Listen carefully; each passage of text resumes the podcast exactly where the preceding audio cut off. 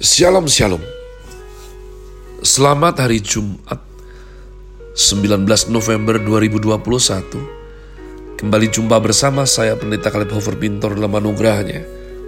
Penuh sukacita sampaikan pesan Tuhan melalui Grace Words yakni suatu program renungan harian yang disusun dengan disiplin kami doakan dengan setia supaya makin dalam kita beroleh pengertian mengenai iman, pengharapan, dan kasih yang terkandung dalam Kristus Yesus.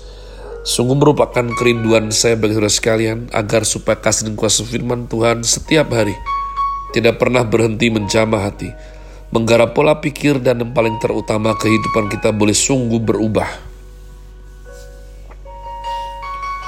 Menuju Christ likeness, masih dalam season winter dengan tema multiply, Grace Word hari ini saya berikan judul pengakuan iman rasuli bagian 68. Pengakuan iman rasuli bagian 68, mari jangan jemu. Sekali lagi kita baca, lagi, lagi, dan lagi, dan saya bersyukur jika sudah ada yang hafal, yakni warisan iman Kristen daripada Rasul Kristus secara langsung. Pengakuan iman rasuli.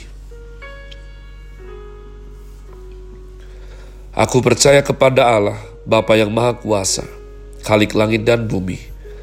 Aku percaya kepada Yesus Kristus anaknya yang tunggal Tuhan kita, yang dikandung dari roh kudus, lahir dari anak darah Maria, yang menderita sengsara di bawah pemerintahan Pontius Pilatus, disalibkan, mati dan dikuburkan, turun dalam kerajaan maut, pada hari yang ketiga bangkit pula dari antara orang mati, naik ke sorga, duduk di sebelah kanan Allah Bapa yang Maha Kuasa, dan dari sana ia akan datang untuk menghakimi orang yang hidup dan yang mati. Aku percaya kepada Roh Kudus, gereja yang kudus dan am, persekutuan orang kudus, pengampunan dosa, kebangkitan orang mati, dan hidup yang kekal. Amin.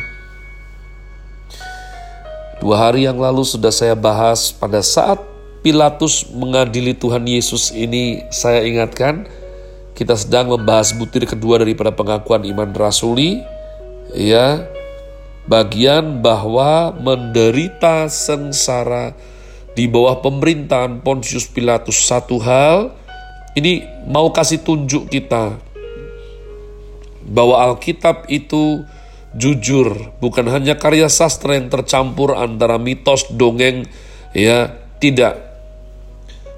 Jelas Tuhan Yesus anak Maria Maria dari mana istri siapa, istri Yusuf, dan disalibkan dalam masa pemerintahan Pontius Pilatus. Pontius Pilatus adalah gubernur Galilea saat itu, dan semuanya ada dalam sejarah Romawi. Jadi kita membahas bagaimana Tuhan lahir melalui Maria mati di zaman pemerintahan Pontius Pilatus. Nah, pada saat Pilatus mengadili Tuhan Yesus, terjadi ketidakadilan yang paling puncak, paling kejam dalam sejarah. Ketika Tuhan Yesus diadili Pilatus, Allah turun sampai titik terendah, pendosa naik sampai ke puncak tertinggi. Ini adalah dua arah yang berbeda.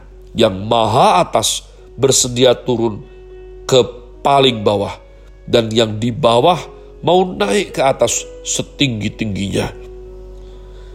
Manusia manusia saat itu yang berteriak-teriak menyalibkan Tuhan Yesus penuh dengan ego, gengsi, angkuh, arogan, sombong, mengadili Tuhan Yesus yang rendah hati dan yang rela berkorban.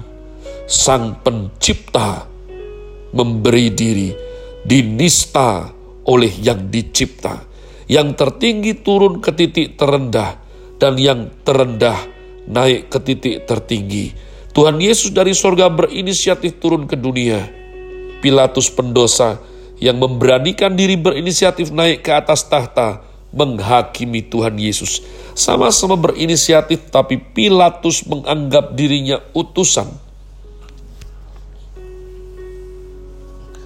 dan wakil kekaisaran Romawi yang lebih tinggi dari semua kerajaan lain. Sehingga ia merasa berhak menghakimi dan menghakimi siapa pun. Sementara Tuhan Yesus berinisiatif merendahkan dirinya. Di sinilah kita melihat kontras antara dua pribadi ini. Umat Tuhan pertarungan ini adalah pertarungan untuk membuat manusia tahu diri.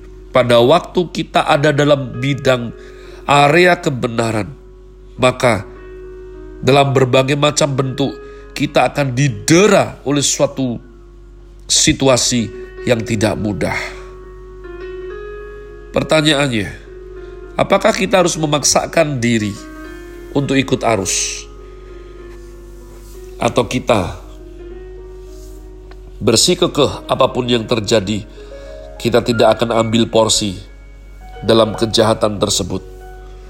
Pada waktu orang membaca mengenai Pontius Pilatus, Jangan berani menunjuk, jangan berani merendahkan, melecehkan. Mungkin kalau di balik keadaannya, belum tentu engkau mengambil keputusan dengan lebih baik. Dengan melihat kepada Tuhan Yesus, belajar kebenaran dan sifat ilahinya, yaitu merendahkan diri, mengosongkan dan menyangkal diri, kita belajar untuk melihat Tuhan Yesus sebagai teladan manusia. Beliau berhak dan patut berkata, pikulah kuk yang kupasang. Dan belajarlah kepadaku, karena aku lemah lembut dan rendah hati. Dan jiwamu akan mendapat ketenangan. Sebab kuk yang kupasang itu enak, dan bebanku pun ringan. Tetapi Pilatus telah mengangkat diri lebih dari yang seharusnya. Sehingga apa pun alasannya, ia berani menjatuhkan hukuman kepada Tuhan Yesus Padahal sebelum ia menjatuhkan hukuman, ia sudah merasa betul-betul bahwa tidak seharusnya Tuhan Yesus dihukum karena yang pertama. Pilatus tidak menemukan kesalahan apa pun yang Yesus perbuat. Sampai tiga kali ia berkata, Aku tidak menemukan kesalahan apa pun pada orang ini. Namun, manusia berdosa saat itu mereka berteriak salibkan dia, salibkan dia. Di tengah keadaan terjepit dan terkunci, ia tidak bisa berbuat apa-apa. Karena ia mewakili Romawi harus menyelesaikan semua pengaduan yang tidak adil yang harus ia adili. Namun dengarkan jalur logika saya baik-baik. Kalau dia ditekan rakyat seperti apa pun namun dia tetap tidak mau, mau apa umat Tuhan? Mau apa? Tidak bisa apa-apa. Nah inilah yang saya sebut apa pun alasannya. Engkau yang menjatuhkan vonis salib kepada manusia Yesus ini wahai Pilatus. Yang kedua, malam sebelumnya Tuhan sudah memberikan mimpi kepada istri Pilatus.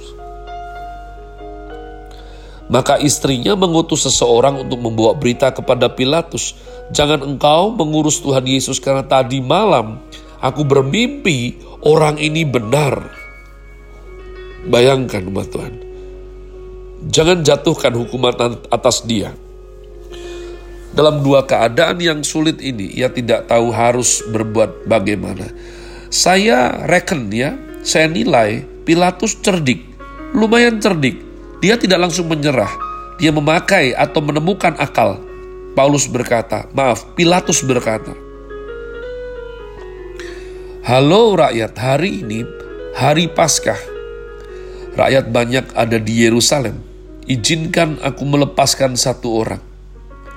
Kalian mau siapa yang kulepaskan, Barabas atau Yesus? Pilatus berpikir, mereka meskipun membenci Tuhan Yesus, mustahil. Mustahil mereka membenci Tuhan Yesus lebih daripada mereka membenci penyamun sejahat Barabas. Barabas memperkosa anak perempuan di antara mereka. Barabas membunuh anggota keluarga mereka. Pilatus punya pertimbangan, iya Tuhan Yesus tidak disukai, tapi masa masa rakyat bisa lebih menerima Barabas daripada Tuhan Yesus? Tidak mungkin. Dia berpikir karena Barabas real sungguh-sungguh jahat. Richard Nichber pernah berkata, Tuhan Yesus terlalu mementingkan kemanusiaan, seperti belas kasihan dan keadilan, tetapi tidak mau menjalankan Taurat. Maka Pilatus hanya menjadi alat untuk menyingkirkan dan membantai Tuhan Yesus. Pilatus sendiri tidak ada niat seperti itu. Ketika ia terjepit di tengah situasi seperti itu, ia pikir ia cukup pandai dengan membawa Barabas keluar. Pasti mereka lebih membenci Barabas. Tetapi di luar dugaannya, semua orang berteriak, Barabas, kami mau Barabas. Lepaskanlah Barabas. Pilatus tercengang. Ia kaget dan tidak menyangka manusia lebih suka perampok kejam dibandingkan Tuhan Yesus yang melakukan banyak kebajikan, menyembuhkan orang, dan ke mana-mana memberitakan kerajaan sorga. Maka Pilatus terpaksa berkata, jika demikian apa yang harus kulakukan kepada Yesus orang Nazaret ini? Mereka berteriak, salibkan dia, salibkan dia. Pilatus melihat tidak ada kemungkinan melawan masa yang sedemikian radikal dan ekstrim. Maka ia mengeluarkan surat berkata, sekarang aku setuju apa yang kalian mau, ambillah surat ini, lakukanlah, cambuklah, salibkan Yesus. Lalu Pilatus mencuci tangannya.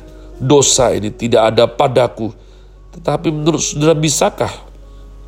Tidak ia mengambil keputusan saat menjabat sebagai gubernur Romawi. Maka pada pengakuan iman rasuli tertulis, ia menderita sengsara di bawah pemerintahan Pontius Pilatus. Sebagai orang berdosa yang tidak takluk kepada Tuhan, dirinya sudah masuk ke dalam jebakan dan masih tidak sadar. Sejak awal ia menginginkan kedudukan yang tinggi. Secara inisiatif ia mau menjadi seorang yang bisa memerintah dan mengadili Tuhan Yesus. Alkitab berkata, Berbahagialah mereka yang merendahkan diri, celakalah mereka yang meninggikan diri. Bagaimanapun setan meninggikan diri, akhirnya dicampakkan turun dari sorga. Sejak awal Yesus merendahkan diri, justru Filipi 2 ayat 10-11 dikaruniakan nama di atas segala nama supaya semua di langit, di atas bumi, di bawah bumi harus tunduk kepada nama Yesus Kristus Tuhan. Saya berdoa supaya kita memahami satu hal yang penting ini. Have a nice day. Tuhan Yesus memberkati saudara sekalian. Sola. Grazie.